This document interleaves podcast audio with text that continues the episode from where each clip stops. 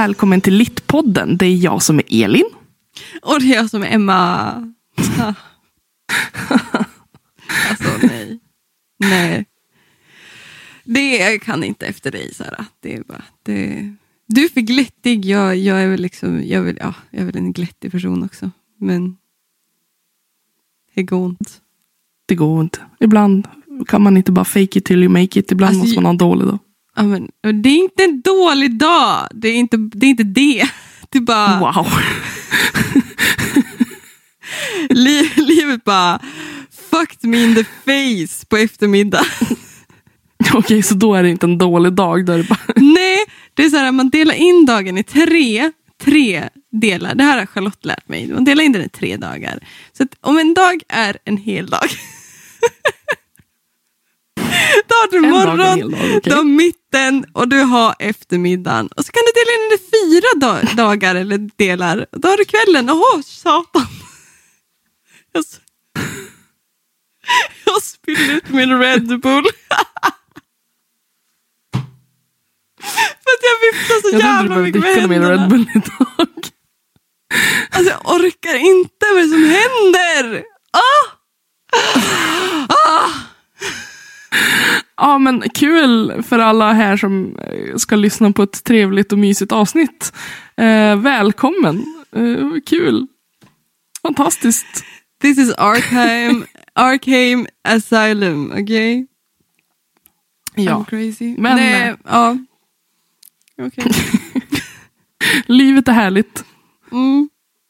Det är Det är fantastiskt. Ja. Life is shit and then you die. Som du brukar säga. Ja, precis.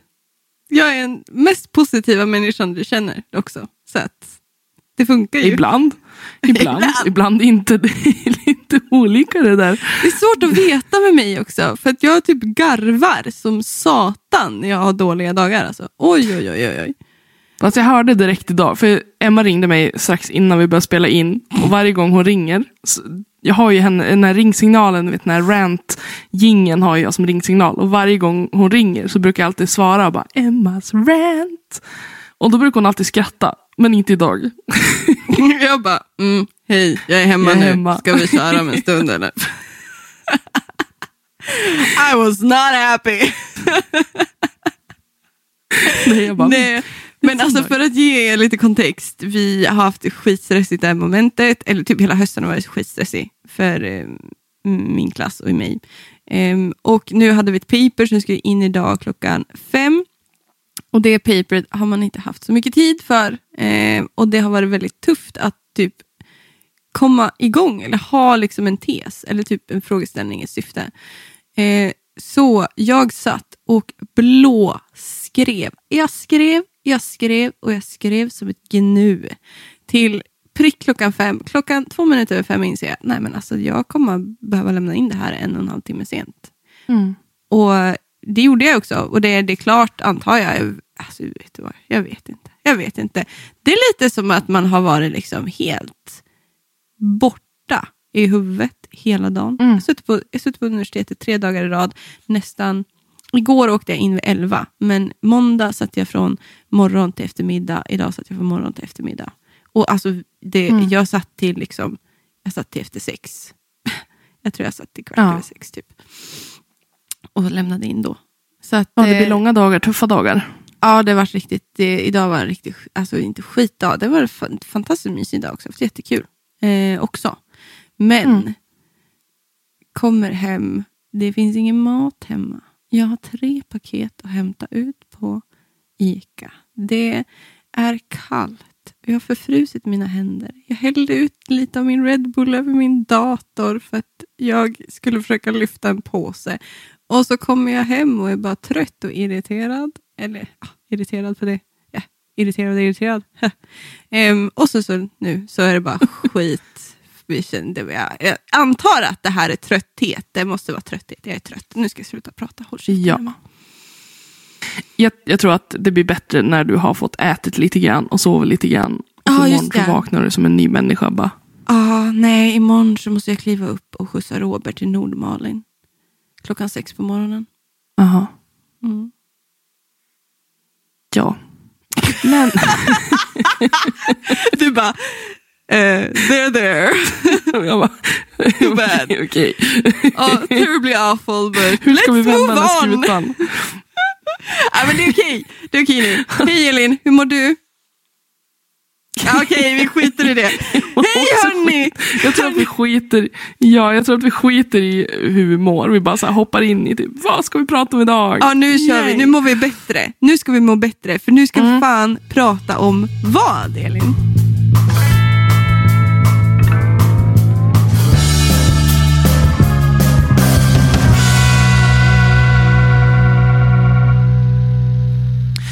Barnlitteratur. Eller liksom, eh, inte barnlitteratur som rent begrepp. Vi har ju faktiskt läst enskilda verk till idag. Ja, Barnlitterära verk. Men snarare, mer specifikt blir det väl lite så här barnlitteratur med, med åldersspannet kanske 11 till 12 eller 10 till 12 ungefär. Ja, lite äldre barn ska man väl kunna ja, säga. men precis. Mellanstadiebarn. Ja, Nej. det är inte bilderböcker, det är inte för yngre barn. Det är liksom för barn som kan läsa själva. Kan man ju säga. Ja, ja. Om, om, Man, behöver inte sätta, man behöver inte sätta en etikett på det, tänker jag. Eh, Nej, men jag, läst- försökt, jag försökte bara ge ett åldersspann. Bara, Och för Specifikt övrigt så är det 12. bilder i min bok. ja, det var det i min också. Ja! Men det, Nej, jag ska sluta, jag bara dryg. Nej, men, Men- det, är, det är ett svårt begrepp där med litter, barnlitteratur. ja, vad är då barnlitteratur?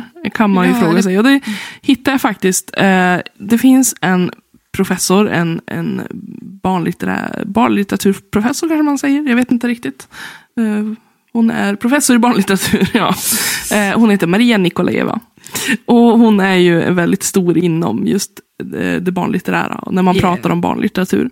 Mm. Och hon ställde sig frågan då, vad är barnlitteratur? Hon säger att är inte det allt som barn läser? Mm. Men hon, skriver, eller hon säger också att barn läser ju så mycket mer. De läser ju också vuxenlitteratur och populärlitteratur och faktatexter och information till spel och sånt där. Så att eh, hon menar liksom att eh, man kan inte dela in det på det viset. Man måste Nej. särskilja på barnlitteratur och barnläsning. Mm. Och det där är så intressant och inte också. definiera liksom. Precis, för att det finns ju det här, jag sa det lite snabbt, jag sa det lite osmidigt till dig också för att jag var och inte orkade förklara.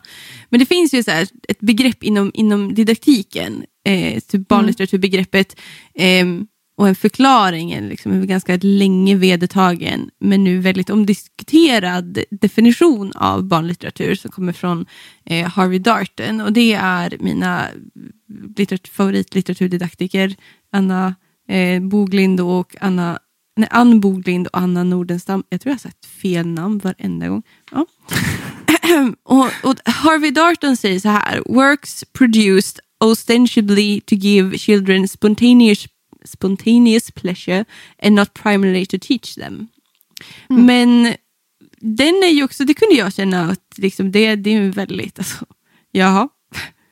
Alltså det är ju också kanske en lite, det är ju sant, kanske lite modernare eh, barnlitterära verk. För förr i tiden så var ju barnlitteraturen enbart till för att fostra. Exakt. Där ju- fokuserar man ju ingenting på Precis. själva nöjet. Nej, det skulle ju ha en moralisk liksom, poäng varenda Mm. gång. Alla de här fablerna och sådana saker. Ja, Hade ju alltid. Men H.C. Andersen typ, till exempel. ja exakt. Eh, det ska finnas en sensmoral. Ja, precis. Sensmoral hette det. Ja, Ja. det är bra. Men, men det är liksom inte heller... Och det, och det kan jag ändå tycka någonstans att det är... Alltså det, böcker lär oss ju alltid någonting. Alltså, även fast vi pratar om att det är primarily, pr, pri, primarily. Wow, Emma du är så trött. Ehm, men det blir också så här uh, spontaneous pleasure, alltså bara pleasure, alltså nöje lär ju oss, lär oss saker också. Och lär Mm. barn saker. Vi vill väl, det har man ju visat, det finns ju forskning som visar på det liksom, i skolan, att när barn har roligt så lär de sig snarare än att teaching är liksom bara, nu ska du sätta dig och lära dig det här. Du ska kunna det här utan till. Men Ja, jag menar att inte se barnen som bara robotar som vi ska lära Nej. allting som vi kan. Utan att Nej. barnen också ska få njuta av liksom, deras barndom. Exakt, att de är individer med egna intressen och egen nyfikenhet och egna karaktärsdrag och, och så vidare. Liksom. Mm. Och då, det kan man ju se på litteraturen som barn väljer. Att det säger mycket Mm. om deras person. På samma sätt som det säger mycket om oss vuxna. Jag har en kursare, Ellen, Ja. som, jag, som jag skriver med. Hon jobbar ju lite som eh, biblioteksassistent här på Umeå eh, vad heter det? Centrumbiblioteket eller vad det heter. Stadsbibliotek. Stadsbiblioteket, Mm. ja. Eh, hon säger det att det är väldigt intressant det där att se vad tjejer och killar väljer i den här mellanstadieåldern.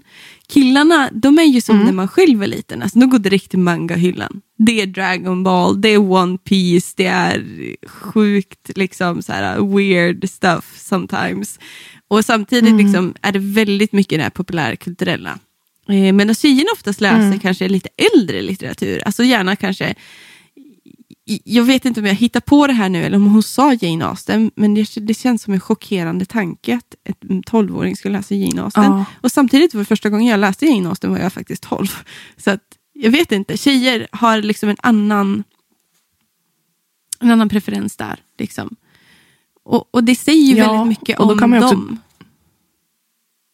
Man kan ju diskutera också om det här med preferenser, om det är någonting som vi har tvingat i barnen. Mm. Eh, eller om de faktiskt genuint är intresserade. För att Ja. eh, det där kan ju också vara, det minns jag ju själv, att så här, ja, men tjejer skulle läsa hästböcker. Tjejer skulle eh, läsa romance och eh, annat som passade Mm. tjejer. Barbie till exempel. Och Mm. killarna skulle läsa om drakar och om spöken. Och, så att, Mm.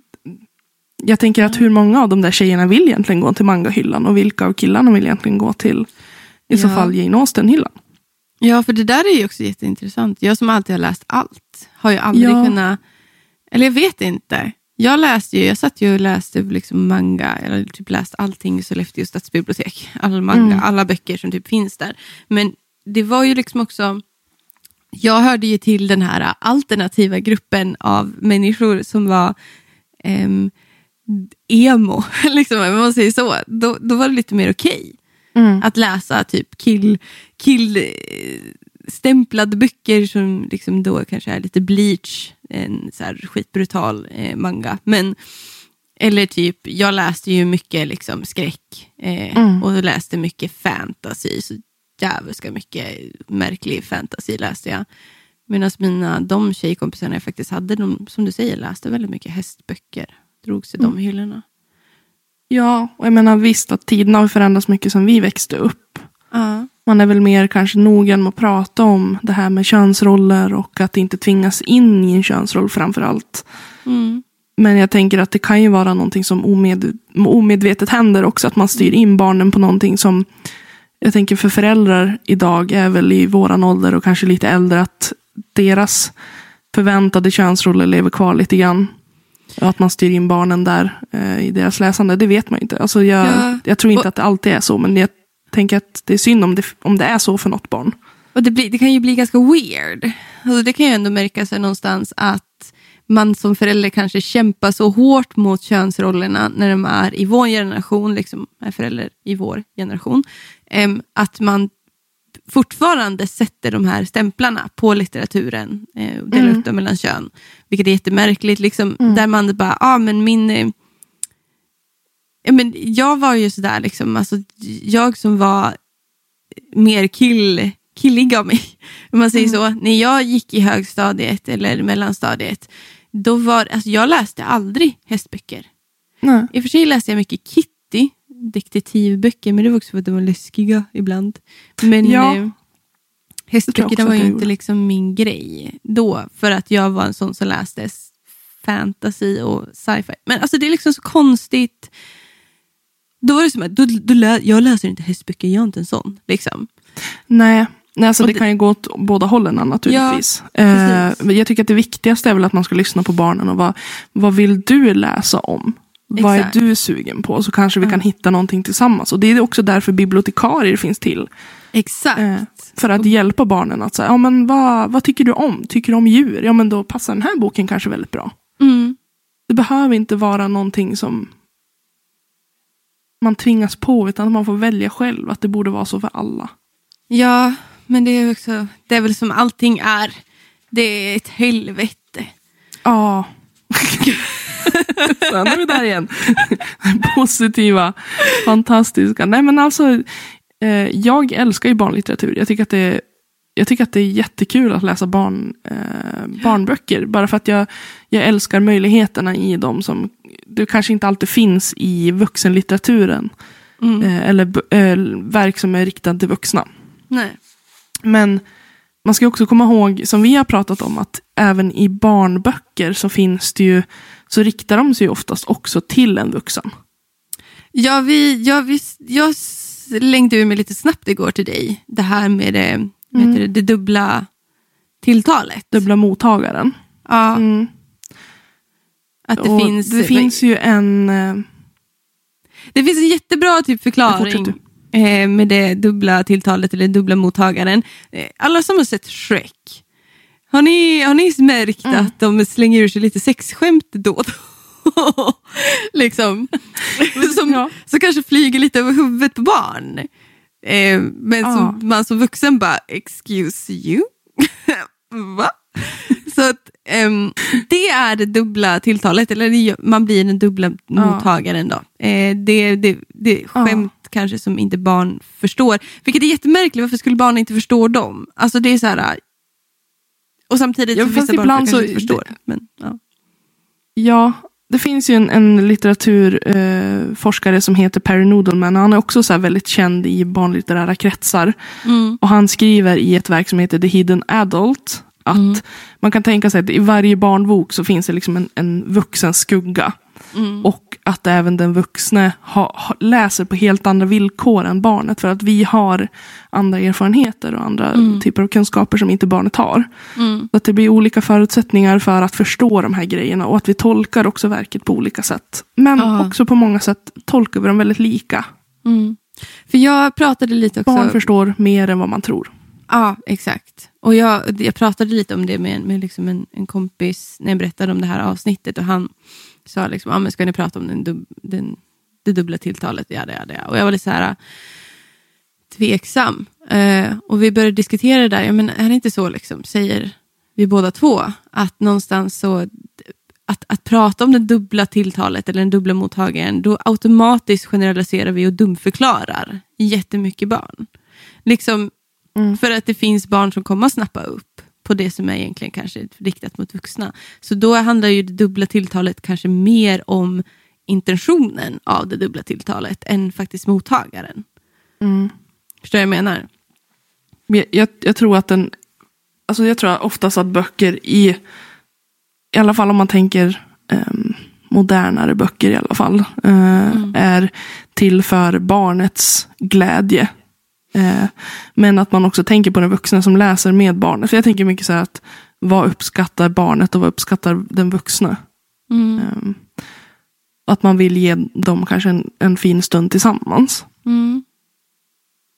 Alltså Ja, det att där blir prata-. Mm. Jag tänker att man också kan prata om verket liksom tillsammans.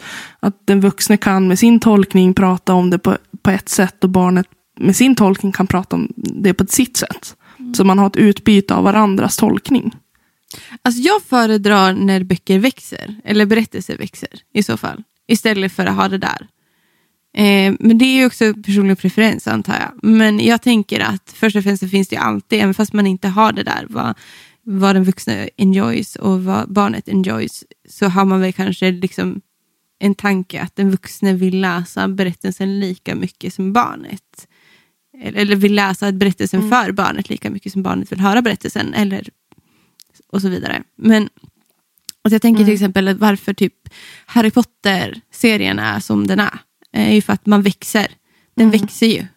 Och därför finns det också mycket substans för både barn och vuxna i den. Att hämta och ta i. Ehm, och samma sak med Narnia. Ehm, växer ju också en berättelse som växer. Som du får växa upp med. Där det också finns mycket att hämta, både som vuxen och som barn. Och jag kan tycka mycket liksom typ The Hobbit är ju också en sån där bok som där det handlar om ja, jag, gillar, jag gillar när barnböcker handlar om liksom att man är på väg någonstans, märker jag nu. Inser jag.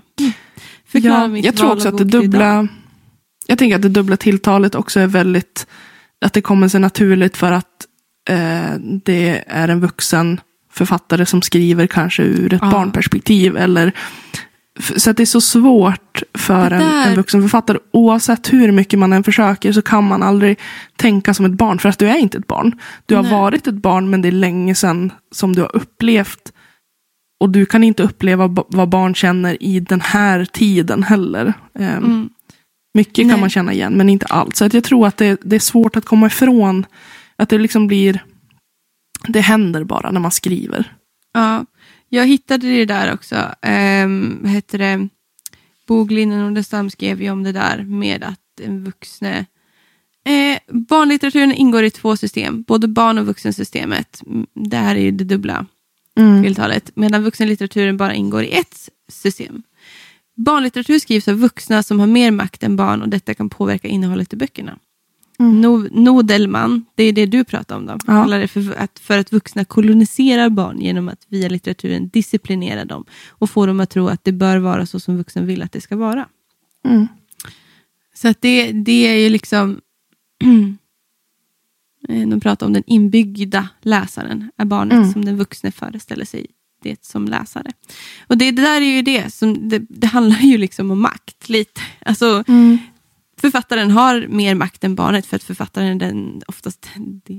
Jag har inte mött så många barn som har släppt sin egen barnlitteratur. Det vore ju coolt. Jag älskar att läsa barnnoveller. Alltså Mm. så här... äh, Alltså barn som skickar in i tävlingar. Ja. Det är jättefint när de skickar in eget. Och jag typ, ja, precis. Men det är ju för att jag är lärare också. Ja. Eh, jo men det är, jag tycker att det ska uppmuntras. För jag var väldigt, jag skrev jättemycket stories. Jag gjorde ju egna liksom, små korta stories och gjorde böcker av dem. Och eh, kom, alltså gick till den lokala handlaren i byn och liksom Nej. satte upp de här böckerna på tidningshyllan. Och satt, hade skrivit ett pris, 10 kronor.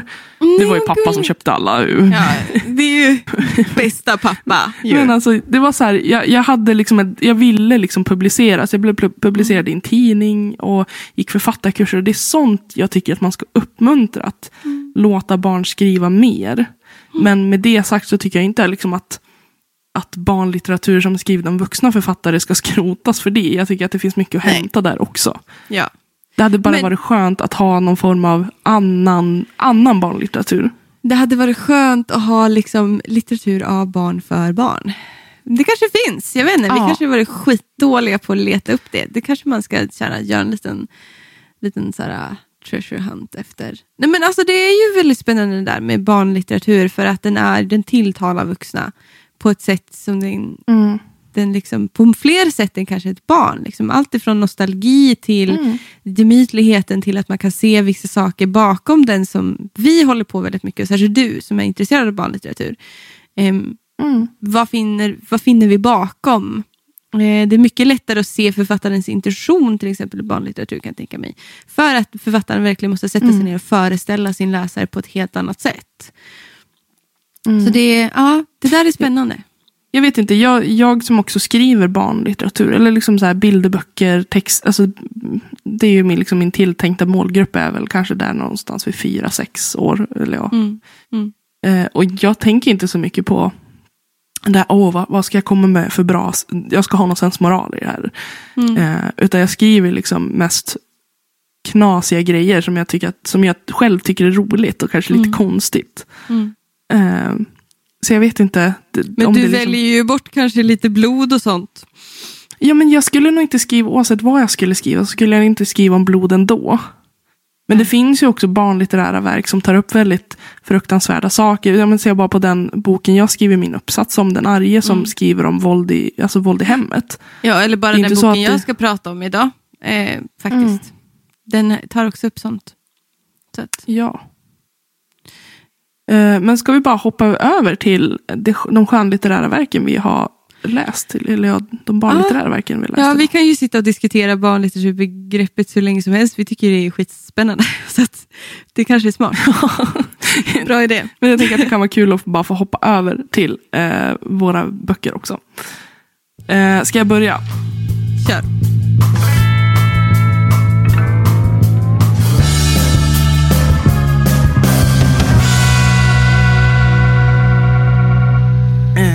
Jag har ju läst eh, Kalle och chokladfabriken eh, av Roald Dahl. För jag... Vad tänkte du säga? Nej, jag sa bara yay. Jaha, jag tänkte så, det... Nej, jag sa bara yay. Nej, men jag, jag läst... Ja. jag trodde du tänkte komma med typ att det är ju inget bra. Då? Varför Eh, skulle jag nej, komma men med jag- det? Jag vet inte, det bara lät som så. Bara, det oh, sög ju. Alltså människor måste ju ha en sån knepig bild av mig ibland. Jag måste vara så jävla pessimistisk. Äh, förlåt, kör. Nej, det var bara ditt tonläge. Men i alla fall, eh, jag har ju kanske sagt det innan, men jag läste Den stora vänliga jätten i alla fall i somras. Ja.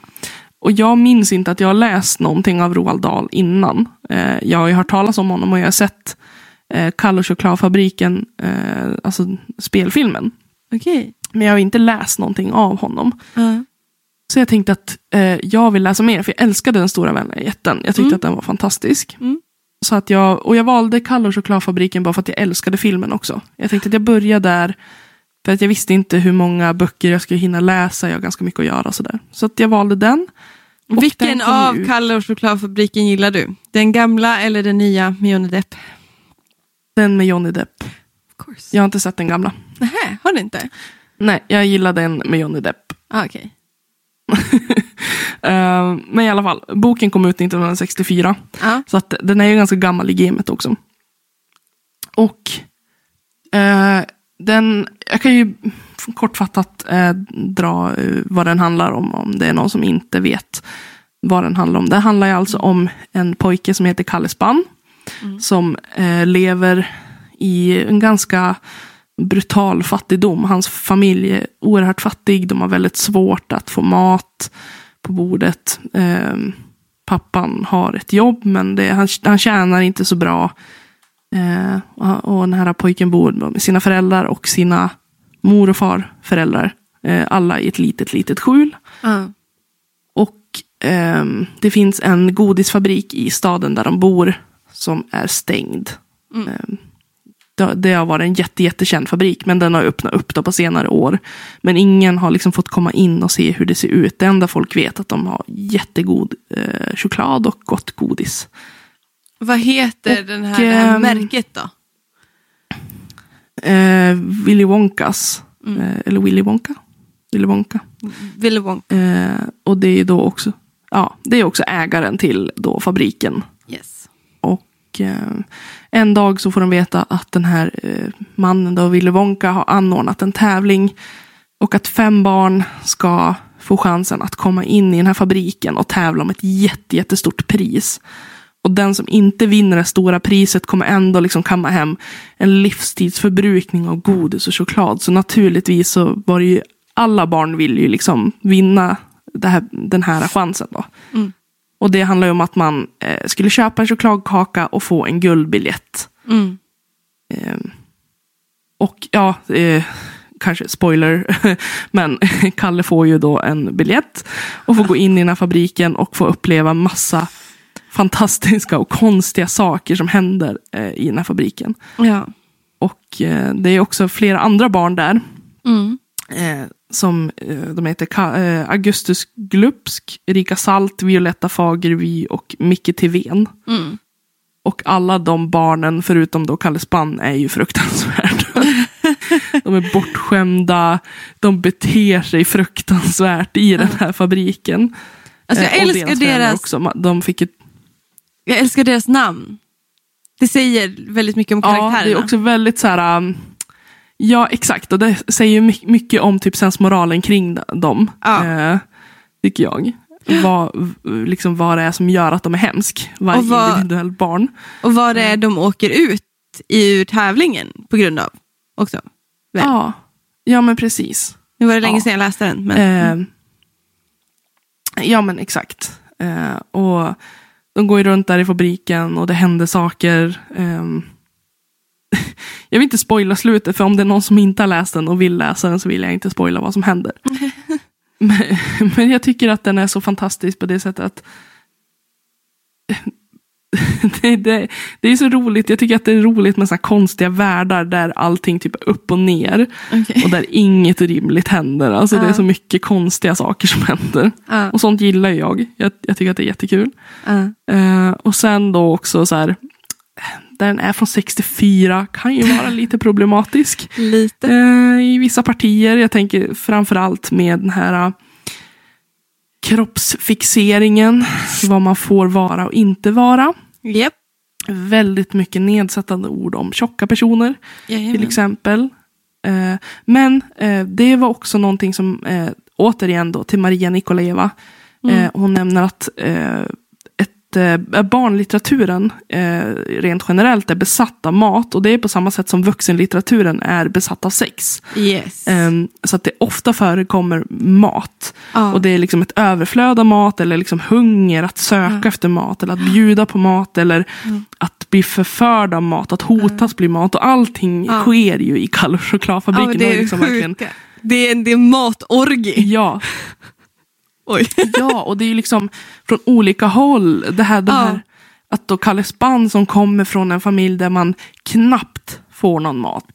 Där Exakt. det alltid är ett sökande efter pengar och mat. Och så kommer de andra barnen som är så bortskämda liksom. Ja. Och behandlar liksom det, det de får i den här fabriken. Det behandlar de som ingenting i princip. ja. Nej men precis. Eh, De vill bara Men- ha för att ha.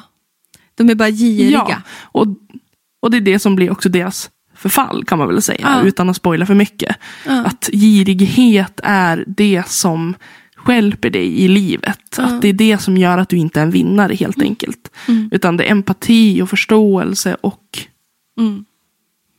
ja, men någon form av också liksom, att man är nöjd här och nu oavsett med det lilla man har. Ja. Eh, det, det, det är väl det sensmoralen i den här boken liksom har kokats ner till. Eh, Mm. att, att den som inte har så mycket och är nöjd ändå. Det, Mm. det är den som är den riktiga vinnaren. Mm. Exakt. Um, jag, jag tyckte att den var väldigt eh, rolig att läsa. Men jag fick en, så tanke, jag nämnde det till dig också innan vi började spela in. Mm. Jag började tänka väldigt mycket på Willy Wonka Mm.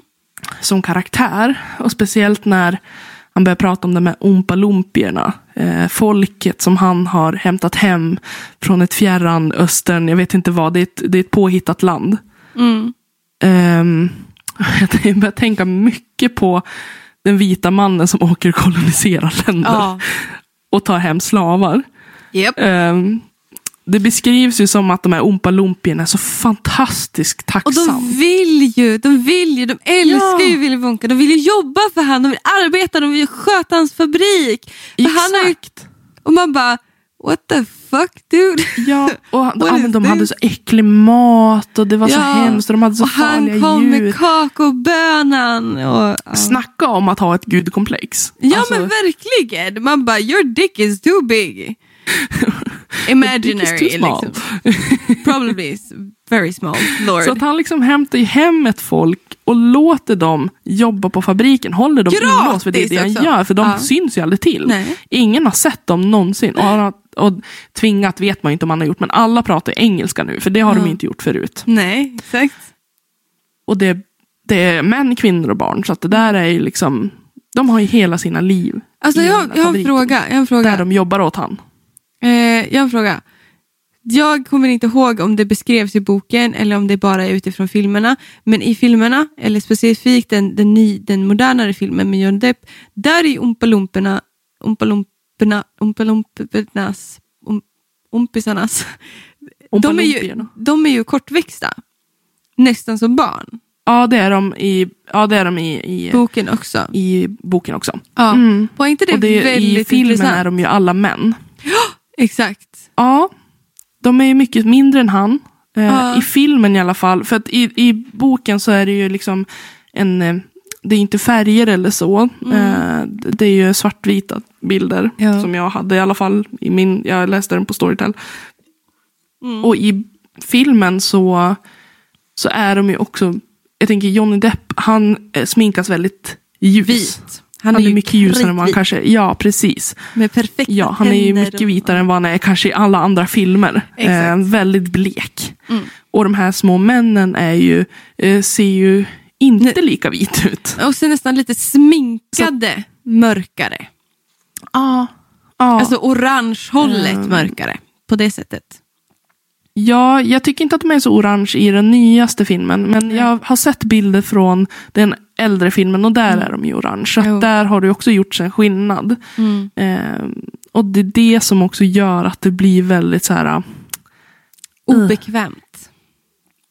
Ja, Eller inte obekvämt, jag gillar Willy Wonka blir- som karaktär. Ja. Alltså, det är ingenting som säger att han... Men det är bara grejen. Eh, Att man bara hämtar hem ett helt folk och låter dem jobba gratis på en fabrik. Man ger dem mat liksom. ja, och de får inte gå ut. romantiserar. Mm. Ja, och att det, åh, de hjälper mig med min fabrik. Och sen kan han inte ens, för jag menar, eh, hela den här tävlingen, eh, okej, nu kanske det blir spoiler, spoiler, spoiler, slutet. Eh, hoppa vidare. Jag tror de flesta har lite koll på Kalle Ja, men själva tävlingen, den som vinner kommer ju få ärva fabriken. För Willy Wonka Ja. upptäcker att han är ju gammal. Och att någon gång måste ju någon ta över den här fabriken, annars kommer den ju överges. Och jag tänker att varför kan du inte ge den till någon av Oompa Lompierna? Alltså, de, där- de vet ju hur man ska göra. Det är det som jag bara, varför Ja. behöver du ett random barn? Ja, så du inte känner, du har ingen relation till det barnet eller någonting alls. Bara, Jag är jätteglad för Kalles Bands skull. ja. För att han, han needed hans it. familj behövde det där nya livet. Ja, Eh, Men återigen, det här gudakomplexet. Han kommer ner och räddar dem från... ja. Jag hade önskat att Kalle Spann hade liksom vunnit någonting annat. Och bara bytt ut det liksom mot pengar och räddat sin familj från fattigdom. Att han gjorde det. ja. Inte att Willy Wonka kommer ner och bara hämtar upp familjen. Och bara, nu ska vi alla bo här i fabriken och leva glada dagar tills vi dör. Liksom. ja. Eh, Jag, jag, jag läste jag, in en men så jag här... tyckte fortfarande att boken är bra. Ja.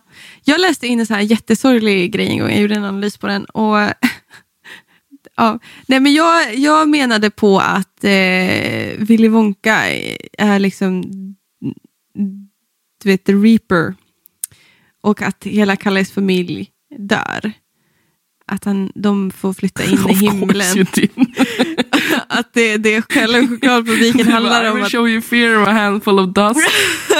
Alltså så jävla mörkt i barnlitteratur. Men alltså ändå en, ändå rimlig analys av det hela. För att det är så unlikely, det är så sjuk grej, det är så svår sak för oss att föreställa oss att Willy Wonka, den här sjukt knäppa gubben, kommer från ingenstans och liksom flyger ner, alltså kommer ner och hämtar upp den här familjen till chokladfabriken som är liksom ett amazing liksom, chokladland, det bästa för ett barn. Alltså det är ändå så här, om ett barn, när du var barn, när du var i Kalles ålder, skulle inte du fan vilja liksom, dö och komma till chokladhimlen? Alltså jag vill det nu när jag pratar om det. Alltså jag tänker också det, jag skulle fan lätt göra det nu. alltså liksom, jag, jag tänker att det där är liksom, det blir en, en sån grej att, att det kan handla väldigt mycket om döden i det också. Att man kan, man kan kanske prata om döden genom det. Eh, sen vill jag inte prata om Willy Wonka som, som en ängel och det var jag väldigt noga med att jag kommer ihåg att poängtera det i min analys också. Att jag snarare ville att ska, han ska vara the reaper man. Liksom någonstans bara så här weird, intetsägande människa som vare sig hjälte eller antagonist. Liksom. Nej. Utan han är bara konstig. Men där tycker jag nästan att i filmen, om jag säger, nu ska vi inte prata så mycket om filmen, men jag, jag tänker som i, i kontrast, Willy Wonka i boken och Willy Wonka i filmen, så tycker jag att han blir en mer mångbottnad karaktär i filmen, för att där får man också en inblick i hans barndom och varför Exakt. han har blivit som han blivit. Så det, där, det ger mig väldigt mycket kontext. Exakt. Varför han är så konstig och varför han kanske vill ha ett barn som ska sköta den här fabriken. För att Mm. han känner att han inte fick den chansen som barn själv. Exakt. Exakt. Men det får vi inte veta i boken. Och det är det som typ gör mig lite sur. Ja, det är ju inte tanken väl att man ska veta någonting om Willy Wonka i bok. Alltså, han är ju liksom en, han är ju som sagt en intetsägande karaktär. Han är inte så jätte... Ja. Alltså, boken hade kanske till och med kunnat klara sig lite utan han. Alltså, han är ju excentrisk och en nice, ett nice inspel, men det handlar ju inte om han egentligen. Tycker jag. Nej. Fast det handlar ju väldigt mycket om honom också. Jo, men det är På liksom... ett, på ett håll så gör det ju det. Det är ju han som, det är, hela hans liv ska ju, folk ska ju bara liksom, ja nu vill jag, nu vill jag att någon ska ta över det här så att nu ska jag ta in fem barn som ska få tävla om det här priset. Jo, men han känns mer som en berättare, ett narrativ. Alltså inte ett narrativ på det sättet, Mm. men mer typ så en sån här omnius eh, teller, storyteller. Snarare än att han är Mm. den som liksom, ja jag vet inte, jag ska säga. Ah, ja, skitsamma, du är bättre på barnlitteratur än mig, så whatever. Man, man, får, man får liksom, det är som vi ofta säger, att man får liksom tänka på eh, vilken tid den här boken kom från. Det är 1964. Det är De flesta barn böcker ett- från den tiden kanske är lite problematiska. Man kan Mm. läsa den ändå. Jag, ty- jag uppskattar den. Jag tyckte att den var mysig. Jag behövde Mm. det här avbrottet. Mm. Och läsa Kalle och chokladfabriken. Vet du vad Elin? Mm. Jag, var, jag var i Övik för några veckor sedan. Eh, Ja. Då var jag inne på Röda Korset. Då hittade jag Kalle och chokladfabriken där. Så jag har den hemma nu i så här fysisk form. Wow. Wow. Den, så Nice. den är så här gammal och som vanligt har jag typ 50-11 exemplar av samma bok. Men den var jättefin. Det var bara det jag ville säga. Ja. Okay. Men nog om Kalle och chokladfabriken. Vi kan ju hoppa över till något annat verk som du har läst. Yay! Oj, förlåt.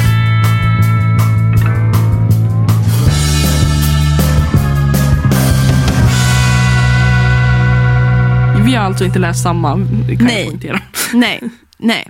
Eh, du tog det lite äldre, jag tog det lite mer moderna. Eh, faktiskt eh, djävulskt modernt. Jag tror de här, det här är Imperiets arvingar. Första boken, eh, serien heter Imperiets arv- arvingar. Eh, första boken heter Bortförda.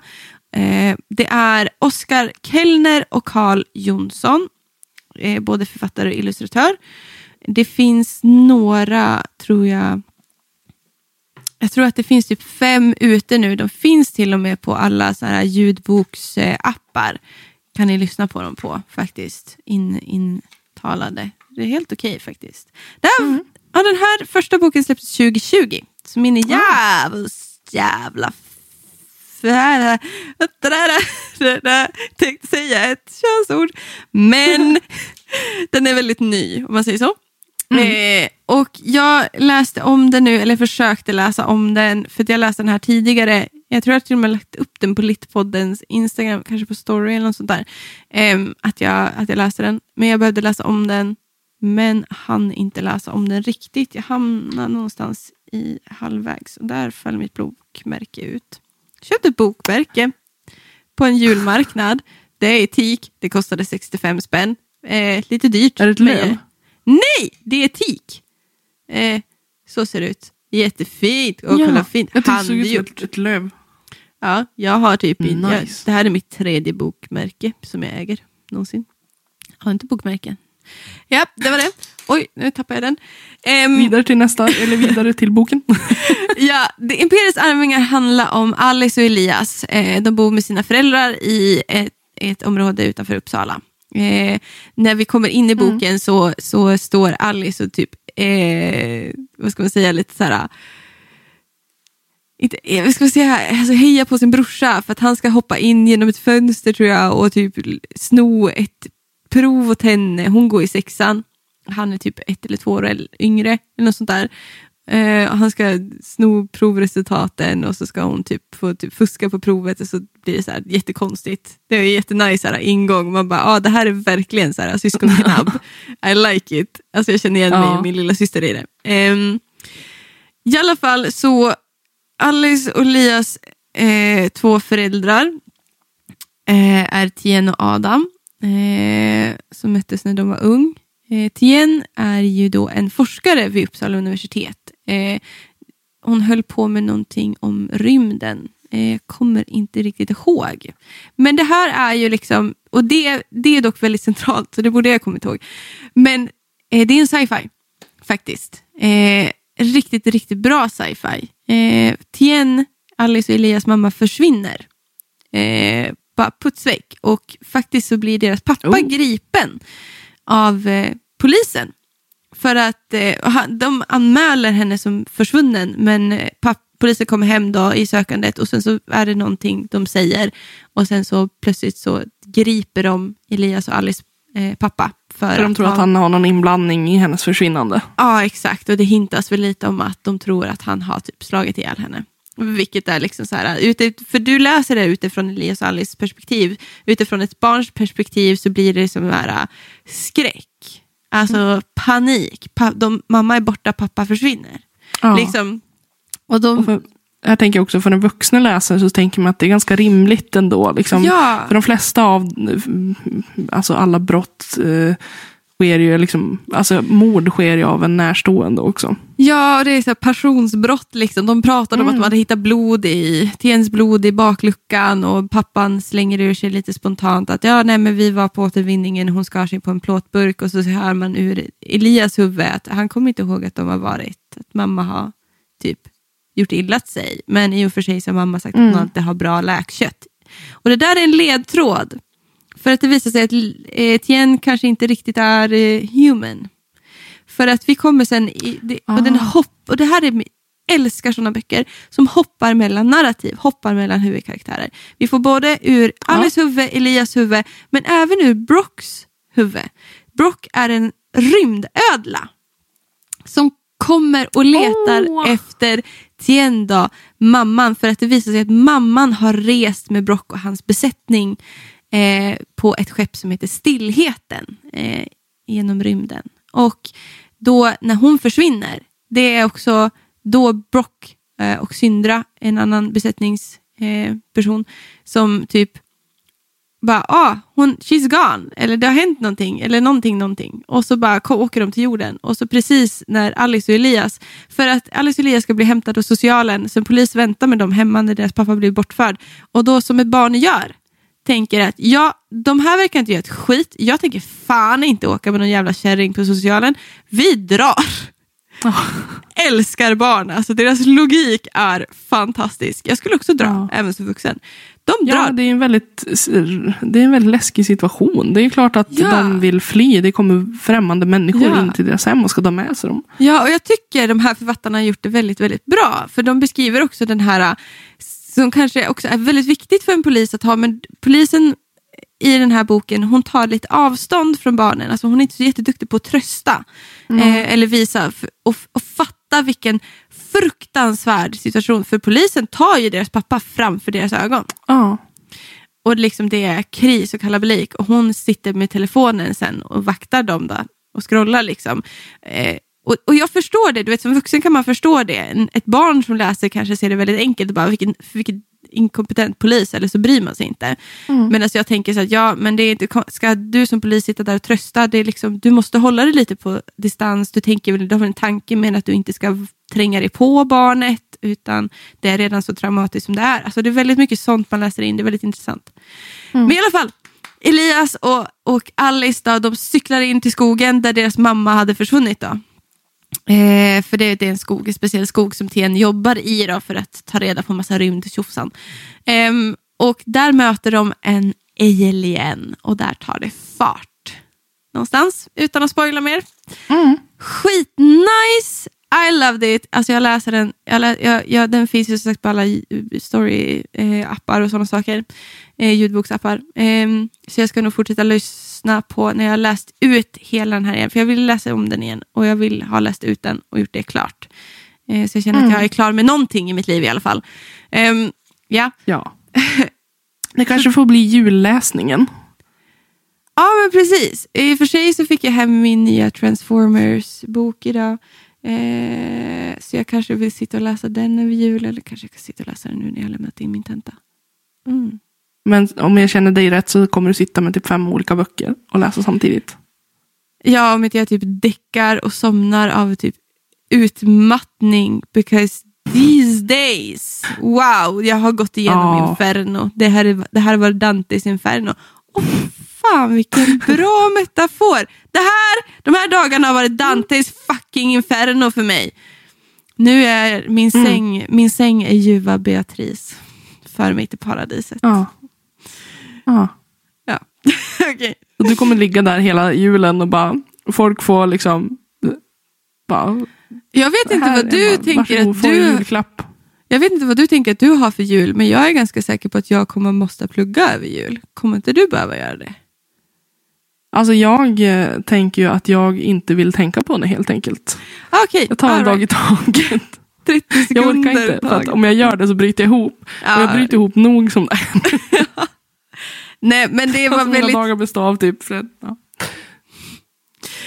den här var väldigt, väldigt intressant, den här äh, Imperiets arvingar. Jag kan rekommendera den starkt. Just också för att du får väldigt mycket med det här familjen. Eh, och det här med starka syskonband. Jag just nu har min lilla syster i Guadalupe. Och hon och jag är väldigt, väldigt, väldigt nära. Och någonstans så tror jag att många gånger så känner man när det till, kommer till systraskap eller syskonskap att ehm, ingen förstår din relation till ditt syskon. Och jag eh, och så är det. Liksom. Jag kan inte förstå ett annat syskonspars relation, men jag och min syster, det är liksom, jag tycker det är skitjobbigt när vi pratar över Facetime för att jag saknar henne så fruktansvärt att jag, jag gråter. Liksom. Och, och det var så fint någonstans att hamna med de här eh, igen. Det här syskonparet Alice och Elias och läsa om hur deras dynamik och hur starkt deras band är och hur de tar sig, hur de färdas och åker på äventyr tillsammans och kan relatera så starkt till det sys syskonskapet. Liksom. Mm, sätta in mig och min lilla syster i deras relation. Ehm, det, det lugnade mitt hjärta och la plåster på såren. Eh, och jag tycker om det här när familjerna... Alltså de, de, de problematiserar familjen eh, utan att dumförklara ett barn. Jag tänker att den är väldigt trevlig på det sättet. Det var en, en, en bekant jag träffade på universitetet här också som sa det lite snabbt. Att hon bara, ja alltså den här funkar ju även för en sjuåring att läsa högt ur. För att du fattar, du fattar vad den vill få fram någonstans. Ehm, Mm en, en sjuåring kommer också förstå att det, liksom, det, blev, det blev jobbigt med att pappa blev tagen av polisen och mamma är försvunnen. Liksom, och att det är viktigt, syskonskapet är viktigt för Elias och Alice för att hitta deras mamma och sådana saker. Ehm, så jag tycker Ja. att författarna har gjort det skitbra. Och den är lite gory. Alltså det är de, den är inte mesig. Älskar att den inte är mesig. Nej, Det är blod och det kanske är ett bra... knivar Alltså jag tänker... Mm. Ja. Tänk om det är någon som lyssnar nu som har barn. Eh, eller som har barnbarn eller som har eh, vänners barn som de ska köpa julklappar till. Kanske ett bra julklappstips om de gillar Ja. att läsa. Ja, jag tänker det också. Alltså Imperiets arvingar, så det finns typ fem böcker, fyra eller fem böcker ute nu. Mm. Har en hemsida också som heter imperietsarvingar.se som är skitsnyggt designad. Jag gillar den. Faktiskt. Mm. Bra. Bra marknadsföring. Här sitter jag och hickar och rapar i micken kände jag. Tur att du inte sitter där och fiser. Vad fan vet du om det? Kanske jag gör. Kanske, uh, maybe I'm enjoying my own farts here. ja, kanske. Oh my Det- god. Vad vet Alltså, jag? inte- Alltså, jag fattar inte att alltså, det, alltså, Det är ett jättekonstigt avsnitt. Men eh, Det är inte ett konstigt avsnitt. Varför säger vi det varenda gång? Ja, det är ett jättekonstigt avsnitt. Nej, det är säger du vi och det jag. varje gång. Kanske till varann. Ja. Vi är så självkritiska. Det är ett jättekonstigt avsnitt. Alltså, vi måste sluta, det är så ocharmigt det bara kan bli. eh, Vi måste bara lite peppiga. Ja, ja, men det här, det här blir ju liksom lite mer, nu var det väldigt konkreta verk. Eh, och så. Ja. Men det är väldigt intressant att prata om barnboken och barnlitteratur just för att vi själv tycker att det är jättesvårt definierat nu i modern tid. Ja. Ehm, för att liksom barnlitteratur som H.C. Andersen, det är ju sagor för oss nu. Och fabler. Ja. Och så. Ja. Så att det är Och- liksom, ja, okej. Ja, nej, men jag tänker också att det finns så många eh, olika genrer att välja, välja på. Eh, Ja. Så att det är också väldigt lätt, kanske för barnen idag, att välja någonting de då tycker om. Ja, Eller liksom att välja ur en genre de tycker om i alla fall. men verkligen. Alltså jag tänker väldigt mycket på alltså typ Abbarat av Clive Barker. Han är typ en av de bästa, vi pratade om den boken i Mats Strandberg-avsnittet. Abbarat Mm. är ju också en sån här bok som är typ för 12-åringar ish. Men där är det också så här skit spännande saker. Alltså det, det, jag vet inte, barnböcker alltså. God damn it. Där, kan det, Mm. där är det riktigt bra. Det är guldgruvor. Jag vet ju den här Pax-serien som finns säljer ju som smör. Så att jag som så här, sjuåring bara, alltså ska jag köpa hela serien och läsa den också? För det här är, det här är poppis på en nivå som jag inte Ja. förstår. Typ. Men det är också så här... Nej, men det är så- ju, alltså, går jag på typ Går jag på loppis så går jag direkt till barnlitteraturhyllan. För jag bara, alltså här kan man skåra eh, Ja, men saker. vad finns det på vuxenlitteraturhyllan? Vadå? Det finns ju bara typ... Blä. det är bara tråk. det händer inget, det är bara romaner. Massa det är bara, deckare. ja, men, alltså, nu har vi ju kommit fram till att vi kanske gillar lite deckare ändå. Men eh, så kan det vara. Så kan det vara. Vi gillar Mats Strandberg, det är det vi gör. Forever changing. Ja. Ja. ja. Men vi Ja. har, vi har som sagt, vi hade, vi hade nu Kalle chokladfabriken av Roald Dahl och vi hade eh, Imperiets arvingar bortförda av Oskar Kellner och Carl Jonsson. Det är bra julklappstips. I'm just saying. Faktiskt. Så är det. Eh, nu Det börjar bra. en huvudvärk eh, knacka på i mitt huvud. Jag ser att mitt öga är lite snett gå- i, i kameran också. alltså ena ögat bara, hej, hej, how are you doing? Oj, det är lite... Men jag tror att vi bara gör så här. Att vi säger tack för idag. Tack för att ni har lyssnat. Tack och Följ oss på Instagram. Så andra sociala medier. Ja. Ja, det också. Maybe Och I'm a little bit hungry. Okej, ha det bra hörni. Ja, Tack för idag. ha det bra. Vi hörs. Hej. Hej.